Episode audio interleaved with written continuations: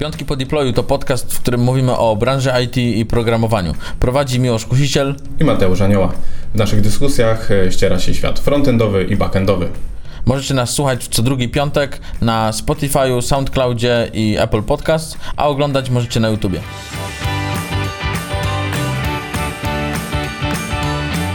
Witamy w 17 odcinku Piątków po deployu. W tym odcinku porozmawiamy z DevOpsem, Andrzejem. Cześć, Cześć. Andrzej. Porozmawiamy o tym, kim jest DevOps, co robi DevOps i czy fail y, przy deployu piątkowym jest winą DevOpsa, czy bardziej programisty. E, na początek chciałbym Wam e, już teraz powiedzieć, że 30 września będzie live w związku z tym, że jest e, Międzynarodowy Dzień Podcastów, też się właśnie dowiedziałem, że jest taki dzień, e, także bardzo się cieszę. Będziemy nadawać pierwszy odcinek live, na którym będziecie mogli zadawać pytania. Poruszymy temat mitów w branży IT dotyczących programistów. Możecie te pytania wysyłać nam na ppd.americstudio.com. Gdyby ktoś nie potrafił rozwinąć tego skrótu, to piątki po deployu. Możecie wysyłać na maila, możecie zadawać je w komentarzach, znajdziemy je. E, no i tyle. Widzimy się 30 września na live, także zapraszam serdecznie. A teraz porozmawiamy z Andrzejem, który zajmuje się właśnie czym w Merix Studio. Zajmuję się częścią DevOpsową, czyli w skrócie można powiedzieć, że to jest taka magia między tym, co robią deweloperzy i czegoś już nie chcą ruszać, i tym, co się dzieje u klienta już, co widzi klient, co widzą jego użytkownicy. Tak? Okej. Okay. I z tego, co pamiętam, jeszcze jesteś engineering analistem. Tak, tak się złożyło. Okej. Okay. Co to, co to oznacza w ogóle?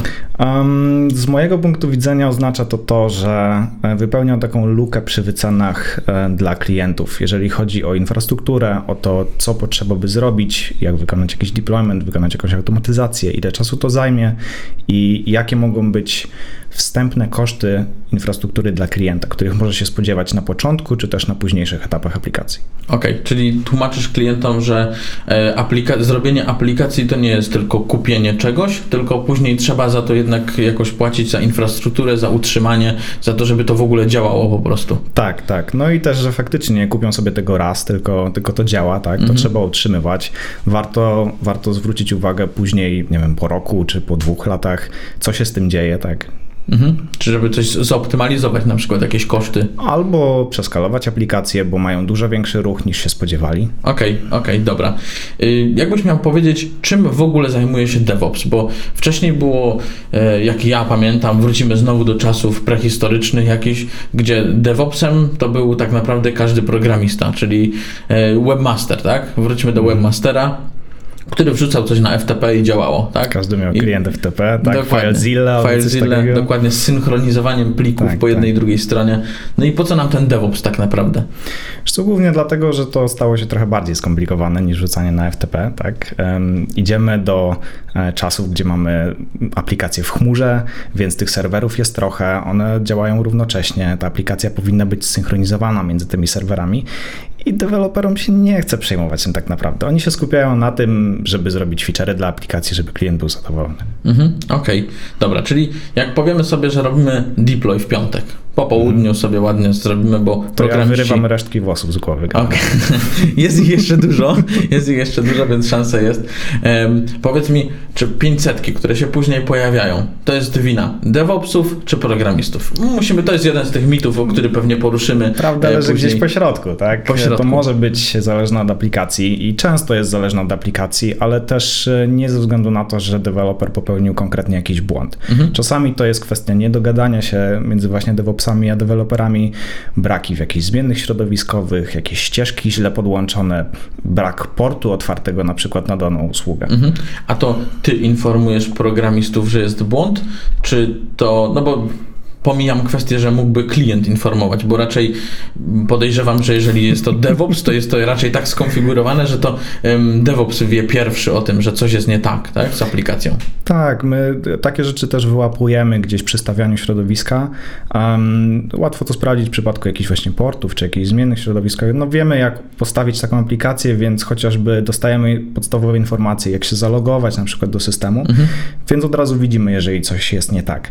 Co się dalej z tym dzieje, dzieje, to już w zależności od tego, czy mamy w logach jakieś informacje, możemy je podesłać do deweloperów, żeby coś z tym zrobili, jeżeli mogą. Mhm. Jakie kompetencje według Ciebie powinien posiadać dobry DevOps? Czy to jest były programista, czy to jest były administrator?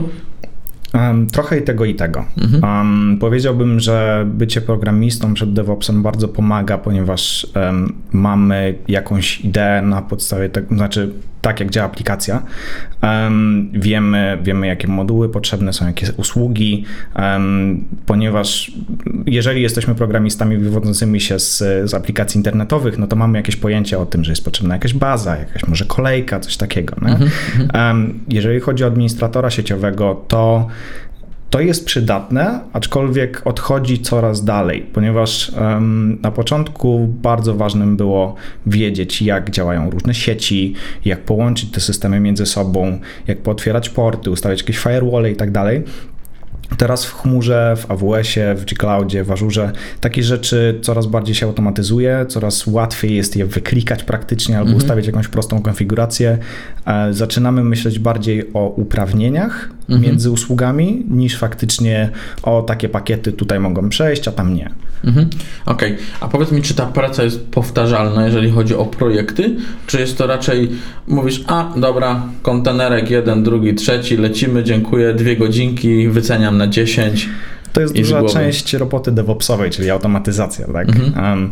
Znajdujemy jakieś szablony, jakieś utarte ścieżki i staramy się zrobić z tego czy jakieś narzędzie, które to zautomatyzuje, czy gotowy, gotowy szablon właśnie. Tak jak na przykład tutaj w Merixie budujemy szablon do postawienia infrastruktury AWS-owej z mhm. prostą aplikacją Django. Mhm. Tak, żeby docelowo, kiedy nam się to uda zrobić, um, bo to jest jeszcze w trakcie budowy. Wiadomo, 99% postępu. Dokładnie, dokładnie, almost done. Tak. Um, jak to będzie gotowe, to sami deweloperzy będą mogli sobie stawiać takie proste środowiska i dzięki temu my będziemy mogli więcej czasu spędzać na, na innych usprawnieniach albo na wyszukiwaniu... Na tych ciekawszych rzeczach? Tak, na wyszukiwaniu takich narzędzi, które usprawniają i naszą, i ich pracę, tak? Bo to, to jest różnica między programistą a, a DevOpsem, że programista skupia się na technologiach, na na, na kolejnych wersjach swoje, w swoim języku mhm. i tak mhm. dalej i takich zmianach, a my szukamy bardziej nowych technologii, nowych narzędzi, żeby usprawniać czy to proces, czy, czy wypuszczenie oprogramowania, czy jakieś komunikacje między serwisami. Mhm. Chyba nie ma osoby, która może być bliżej um, produkcji niż DevOps. Czy to oznacza, że ta praca jest stresująca? Czy na przykład siedzisz w domu i patrzysz tylko, czy jest jakieś powiadomienie, bo się coś, nie wiem, zepsuło, 500 się pojawiła i teraz będziesz musiał nie, to jakoś tam... Ja, ja włosy gole lubię generalnie. Okej. nie, nie, generalnie nie jest to bardziej stresujące, myślę, niż, niż u innych deweloperów. Mhm. Um, ponieważ współpracujemy razem tak naprawdę jako zespoły, to, to też Dużo zależy od deweloperów, co się stanie przy deployu um, i, i, tutaj no myślę, że, że poziom frustracji czy, czy zadowolenia i tak dalej jest taki sam w obu, w obu przypadkach. No. Mm -hmm. A czy są takie sytuacje jak wojna pomiędzy frontendem a backendem, że przerzucamy się, y, że wina jest po tej stronie albo po tej stronie? I tak jest z DevOpsami i deweloperami? Um, Troszkę tak, troszkę tak, ale to wracając do tego, co mówiłem odnośnie takich właśnie, um, powiedziałbym, niesnasek między, mhm. między deweloperami a DevOpsami na etapie konfiguracji środowiska na przykład. Um, najczęściej to się objawia faktem, że i to e, zawsze mi się przypomina taka sytuacja, e, gdzieś jeszcze jak byłem backendowcem, jak to frontendowcy właśnie robią. Um, u frontendowca na laptopie działa aplikacja w Reakcie, wszystko jest pięknie, robimy deployment na produkcję i nie działa nic. Co się okazuje? E, oni mają taki fajny folder Node Modules, w którym jest tysiąc różnych bibliotek i miliony, u nich to akurat działa, miliony. dlatego że mają to w tym folderze. Natomiast tak. nie mają dorzucone do konfiguracji kilka ważnych bibliotek i już gdzieś indziej to nie zadziała. Tak? Okay. I to samo jest też z backendowcami e, i w zasadzie z, każdym, z każdymi deweloperami, tak? że jeżeli mają jakieś środowisko u siebie, szczególnie jeżeli robią wiele aplikacji na tej samej technologii, to po prostu zapominają, ja też to robiłem, zapominają o prostych rzeczach, o prostych jakichś e, zmiennych, o jakichś e, ustawieniach, które u nich po prostu działają, bo zawsze działały, tak? Mhm, mhm. A my jako DevOpsi mamy taki problem, że nie znamy każdej technologii, tak? I też nie musimy znać każdej mhm. technologii, ale chodzi o to, że um, przez to ciężko nam czasami przewidzieć, dlaczego aplikacja na przykład przestała działać po, po deploymencie. No. Mhm. Czy, czy tekst u mnie działa? Yy, został wyeliminowany przez Dockera? Myślisz, że, że taki jest? W dużej mierze tak, w dużej mierze. No, pamiętam jeszcze, jeszcze tak z 5-6 lat temu, kiedy ten Docker raczkował, podstawą było to, żeby mieć u siebie postawionego, w moim przypadku PHP, jakąś mhm. bazę normalnie na laptopie, e, środowisko stagingowe, to był po prostu serwer dedykowany Jasne. i tak dalej. jak przechodziliśmy do chmury, to też tak naprawdę robiliśmy instancje w AWS-ie mhm. z gotowymi serwisami odpalanymi bezpośrednio i to rodzi problemy między, e, między systemami operacyjnymi, między wersją tych systemów, między jakimiś paczkami, które są zainstalowane. Docker to bardzo ułatwia, tak? O Dockerze można pomyśleć o jako takiej, um, tak jak mamy aplikację typu Sandbox, czyli jest taka mhm. po prostu piaskownica, tam możemy tam wrąbać wszystko, możemy po prostu zrobić sobie jakiś zameczek i tak dalej i to nie wychodzi na zewnątrz, nie? Możemy oczywiście ustawić to w taki sposób, że, że będzie się komunikowało z innymi kontenerami, mhm. ale mamy prawie że pełną kontrolę nad tym, co się dzieje w środku. Teraz pewnie słuchający nasz y, programiści z Merrick Studio mówią, jak Andrzej mówi, wyrzucić wszystko, przecież ostatnio nam ograniczyli wielkość tych obrazów, które możemy mieć. no tak, bo, bo potem dochodzimy do sytuacji, że Docker ma na przykład 15 gigabajtów i deployment zajmuje pół godziny. Okej, okej, okay, okay, dobra. Czyli to jest takie to usprawnianie też właśnie, dzięki tak. któremu w sumie, jak ja widzę na rekrutacjach, dużo, wielu deweloperów jest chętnych, żeby poznać to, jak y, działa to od strony DevOpsowej. Mhm. Czas, często im może brakować też czasu, tak, żeby to wszystko y, ogarniać, bo dużo tych technologii jest, które się rozwijają i muszą jakby je śledzić, nie? Tak, Czy w tak. tym świecie DevOpsowym też to się tak szybko rozwija i tak y, no, zmiany zachodzą dość duże na przykład, albo nie, nie, nie jest może tak jak w JavaScriptie, że tam co chwilę jakiś nowy framework, tak? Chyba, że Ale jest. rozwija się bardzo szybko. Um, najlepszym przykładem są rzeczy z AWS-a, tak? Generalnie AWS nie był jakoś mega popularny jeszcze 5 lat temu. E, dopiero raczkował tak naprawdę gdzieś może w Stanach i tak dalej. Mhm. Tutaj się pojawiał bardzo rzadko.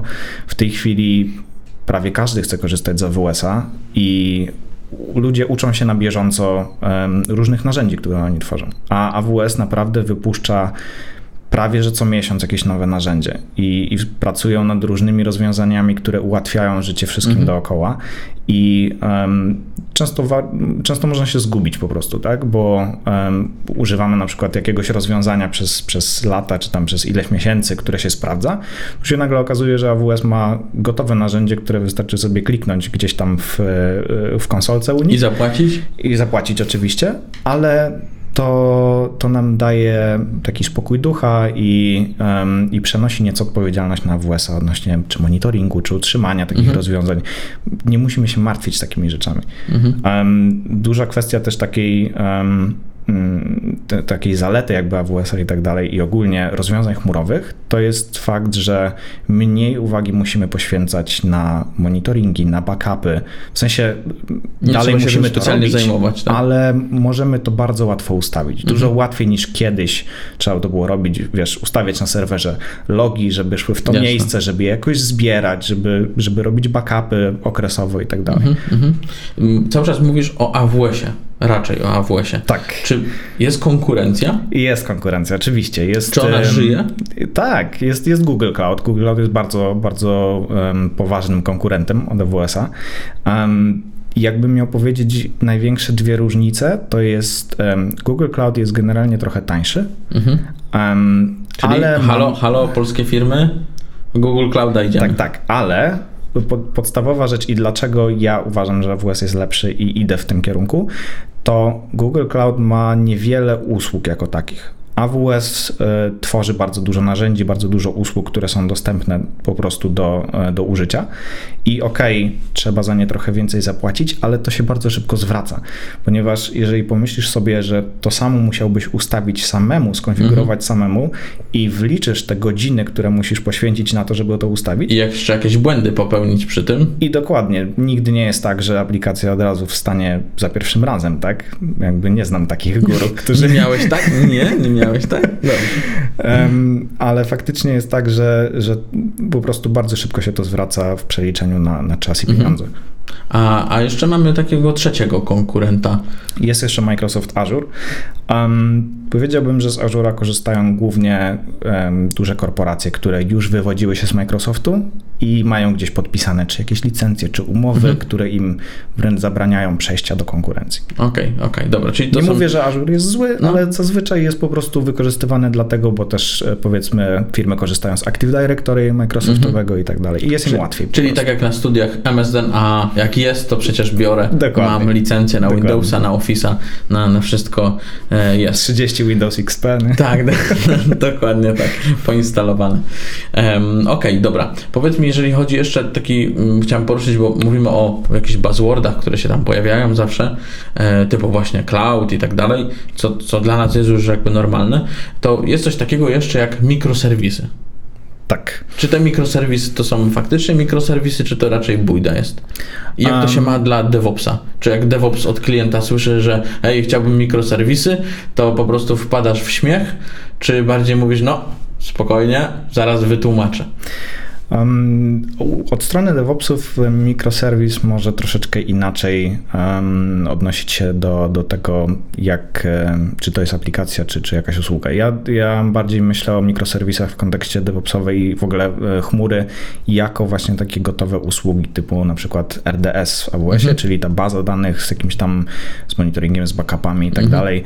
Um, wiadomo, że o mikroserwisach z poziomu aplikacji możemy mówić o konkretnych jakichś modułach, tak, z, z jakąś jakąś logiką biznesową, mhm. które mają czy osobną bazę, czy, czy, czy robią jakąś tam, jakieś tam operacje, um, ale z punktu widzenia infrastruktury to, to jest po prostu inna aplikacja. Nie? To e, tak naprawdę jest aplikacja A, aplikacja B. Dla nas to nie ma dużego znaczenia, jak to się rozchodzi, e, jeżeli chodzi o mikroserwisy aplikacji samej.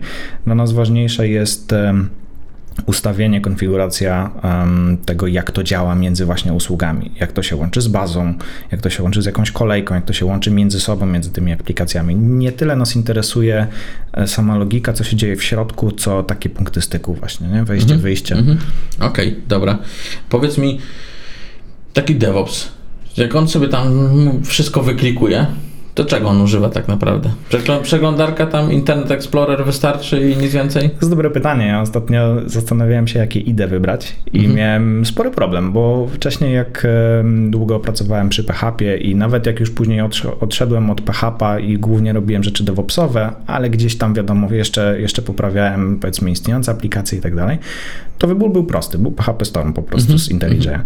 Natomiast teraz um, te narzędzia DevOpsowe są bardzo świeże i IDE mają wsparcia, ale bardzo podstawowe. Są jakieś pluginy do, do tych różnych IDE, nawet do Vima jest plugin generalnie, na Terraforma na przykład. Pozdrawiam Mateusza. Pozdrawiamy Mateusza, tak, który używa Vima. Tak, ale, ale to wszystko jeszcze raczkuje, tak? Nie ma nie ma dobrego wsparcia dla, dla debugowania na przykład. Um, wspominam o Terraformie. Terraform to jest taki mhm. język do konfiguracji właśnie środowiska. On ma um, różne paczki, żeby, żeby ustawiać zasoby w AWS-ie, w G-Cloudzie. Czyli żeby nie wyklikiwać na... tego. Tak, dokładnie. Żeby nie trzeba było tego wyklikiwać, żeby e, pójść w stronę tego super buzzworda, czyli infrastruktury jako kod. Tak? E, okay, Generalnie okay. dążymy do tego, żeby po prostu wszystko było też w kodzie, żebyśmy mieli repozytorium, żeby nad tym mieć jakąś Czyli DevOpsi też piszą kod.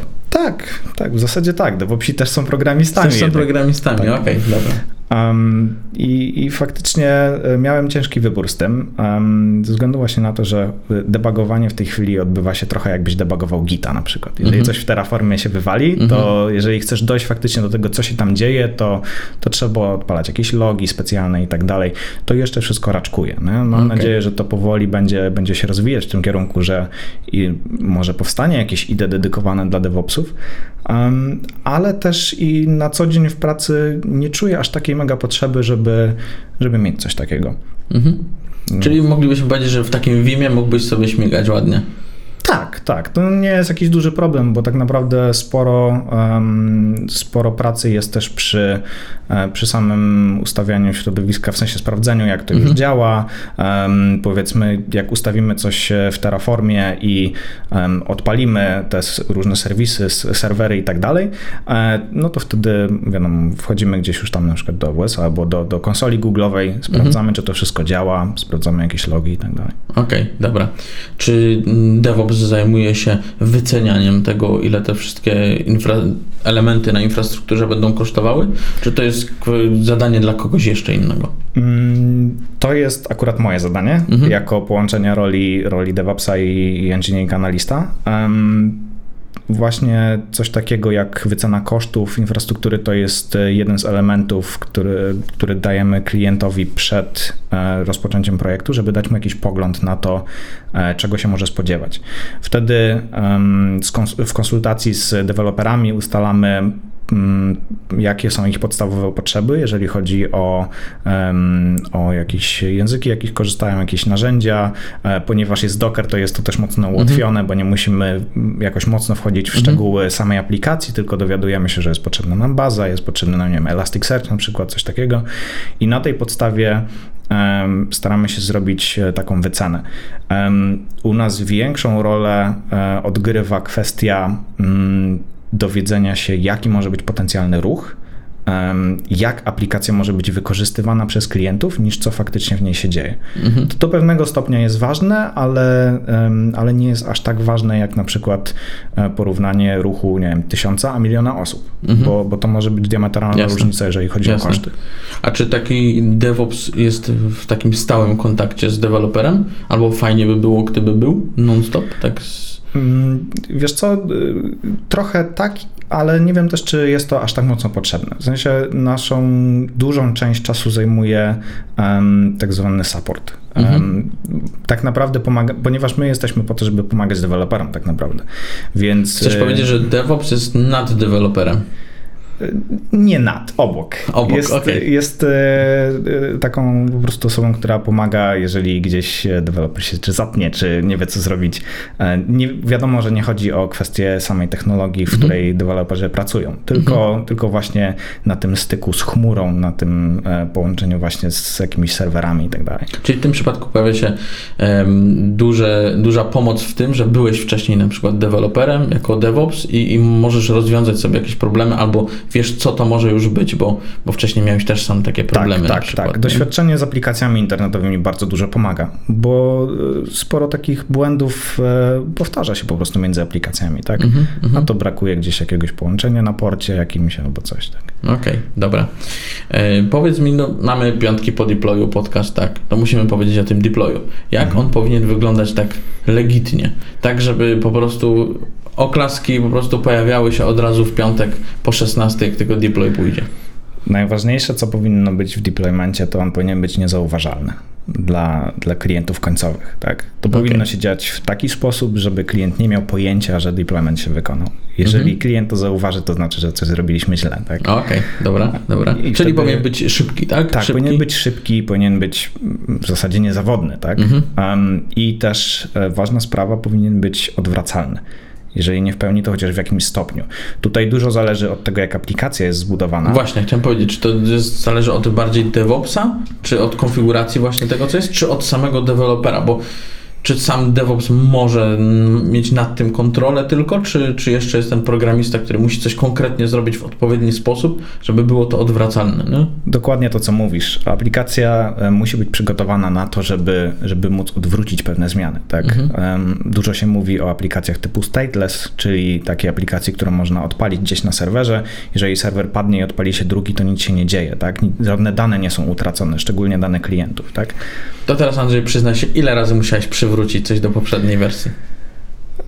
Zdarzyło się parę razy, ale na szczęście nie w taki sposób, żeby to było I zauważalne. Nie w piątek. I nie w piątek. O, czyli ale to sobotę jeszcze... raz się zdarzyło. O, w, sobotę, w sobotę było, okej, okay, dobra. Czyli tak naprawdę mamy, że ten deploy powinien być niezauważalny, a przywrócenie też powinno być niezauważalne. Tak. I wtedy mamy w sumie problem z głowy. Nikt nic nie widział. W sobotę tam kliknąłeś dwa razy w konsoli pewnie gdzieś czy coś i tyle, nie? Dokładnie, dokładnie. No idea jest taka, żeby, żeby można to było odwrócić w taki sposób, żeby PM-owi nie wspłodły włosy z głowy i tak dalej. Tak? Mm -hmm. Powiedziałeś o tym stateless. Czy to od razu sugeruje, że najlepiej by było oprzeć wszystko o nasze serverlessy w ogóle i tak dalej, czy, czy jeszcze coś innego? Um, to nie do końca tak jest. W sensie mhm. aplikacja stateless może, mm, może potrzebować serwera i zazwyczaj mhm. potrzebuje serwera. Mhm. To nie jest tak, że musi być totalnie serverlessowa, ale one są w jakiś sposób już przygotowane do tego. Um, jeżeli chodzi o rzeczy serverlessowe, to. Um, Pomagają czy komplikują? Zmieniają totalnie architekturę aplikacji, okay. tak naprawdę okay. bym powiedział. Więc jeżeli, jeżeli aplikacja ma iść w kierunku bycia serverlessowym, to tak naprawdę to musi być brane pod uwagę na samym początku przy budowie aplikacji. Mhm, mhm. Okej. Okay. Dobra, to co? Jeszcze mamy tak naprawdę no, coś, co, o czym DevOps, czym się w ogóle zajmuje, czyli to całe CI, CD, tak? Mhm. Żeby to miało jakąś tam ciągłość, że ktoś tam robi sobie tego pusha, merge'a i tak dalej, to żeby dalej się z tym coś działo. Czy na tym etapie jest coś, co DevOps może zrobić jakby więcej dla de dewelopera, czyli przypilnować jakichś rzeczy konkretnych, które się w tym procesie dzieją? Tak. Generalnie jak tworzymy automatyzację właśnie do, do deploymentu, do CI/CD, to e, przygotowane jest to w taki sposób, żeby e, deweloperzy mogli odpalić jakieś testy e, w trakcie, żeby to zautomatyzować. Czyli jeżeli wypuszczają jakąś zmianę w kodzie, robią tam, wiesz, git push i tak dalej, to um, automatycznie czy GitLab, czy mamy postawione na GitHubie, to GitHub Actions e, robi coś takiego, um, odpalane są pewne zadania, które mają na zasadzie, na celu e, powiedzmy sprawdzenie czy kod jest poprawnie napisany, jeżeli chodzi, wiesz, o lint mm -hmm. i tak dalej, -hmm. czy testy przechodzą podstawowe, później w przypadku, w zależności od, e, od e, gałęzi, na której to jest robione, te zmiany, to, to mhm. może być to wypuszczone czy na testowe środowisko, czy takie też tymczasowe środowisko. Okay. Można się pobawić właśnie zrobienie takich tak zwanych deployment branchy, tak, czyli, czyli robimy środowisko tylko na, konkretne, na konkretną gałąź do testów po prostu, tak? Tak? Czyli jakiś feature, który powiedzmy klient sobie zażyczył, nie do końca jeszcze jest pewien, czy chce tego faktycznie albo jak to ma wyglądać, ale chciałby to zobaczyć, jak to działa już, nie? To nie jest jeszcze um, wystarczająco dobre na środowisko stagingowe albo produkcyjne, ale, ale możemy coś takiego zrobić i udostępnić mhm. i wtedy właśnie DevOpsi mogą pomóc w tym, żeby, żeby dostawić takie środowisko albo zautomatyzować wręcz, żeby deweloperzy mogli sobie takie środowiska stawiać, kiedy chcą. Mhm. Myślisz, że deweloperzy są wdzięczni temu, że DevOpsi są osobną jakby, osobnym bytem, że oni jakby pilnują ich w jakiś sposób albo im pomagają? A nie, że muszą oni to robić sami? Myślę, że część nie zdaje sobie sprawy z tego, dopóki coś by się nie stało faktycznie. Sporo okay. rzeczy robimy jednak e, tak, e, mm, nie powiedziałbym, że w niewiedzy, ale po prostu um, takie elementy, które, które deweloperów nie interesują na, na powiedzmy bieżący czas. Mm -hmm, mm -hmm. Okej, okay. dobra, no. Jeszcze zapytam Cię Andrzej o jedną rzecz o jakąś twoją wpadkę, taką DevOpsową. Co zrobiłeś? Ja mogę się przyznać osobiście, że ja kiedyś ten, może nie DevOpsowa, tak, bo to bym powiedział takiego webmastera, gdzie jednego PHP My admina lokalnego pomyliłem z tym produkcyjnym i usunąłem sobie wszystkie tabele. Ale dało się przewrócić. Może nie było to niezauważalne, ale udało się przewrócić, bo backup był wcześniej zrobiony. Czy ty miałeś jakąś taką wpadkę? Czy po prostu idealny DevOps po prostu, który nie popełnia błędów?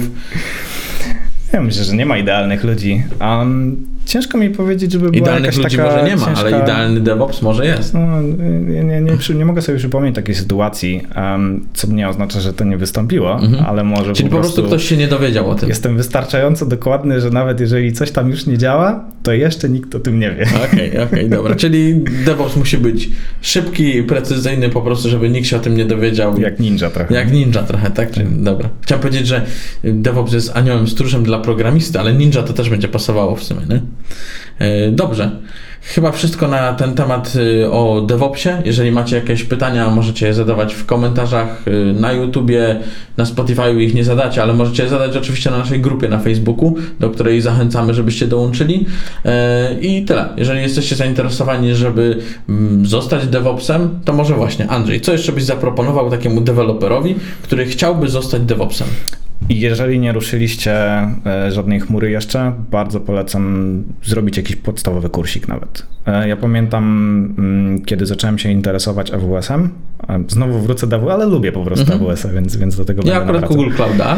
Tak. Um, jest tańszy. Bardzo dużo mi dało po prostu zrobienie kursu do egzaminu. Okay. Samego egzaminu jeszcze nie zrobiłem, to jeszcze jest e, w drodze. Natomiast samo zrobienie kursu, poznanie tych właśnie usług, tych narzędzi, mm -hmm. które oni mają, daje naprawdę dużo i, i poszerza tą wiedzę diametralnie. A musisz poznać wszystkie 216 usług, czy tylko nie, część? Nie, um, Tak naprawdę i też kurs to pokazuje, czy są Mhm. różne kursy, ja akurat robiłem z, z iCloud Guru bodajże. Mhm, Em, pokazuje takie podstawowe, najważniejsze serwisy. Zazwyczaj to są serwisy wokół e, właśnie instancji serwerowych, wokół e, uprawnień, czyli właśnie tam ten cały Mhm. IEM, jakieś security grupy i tak dalej.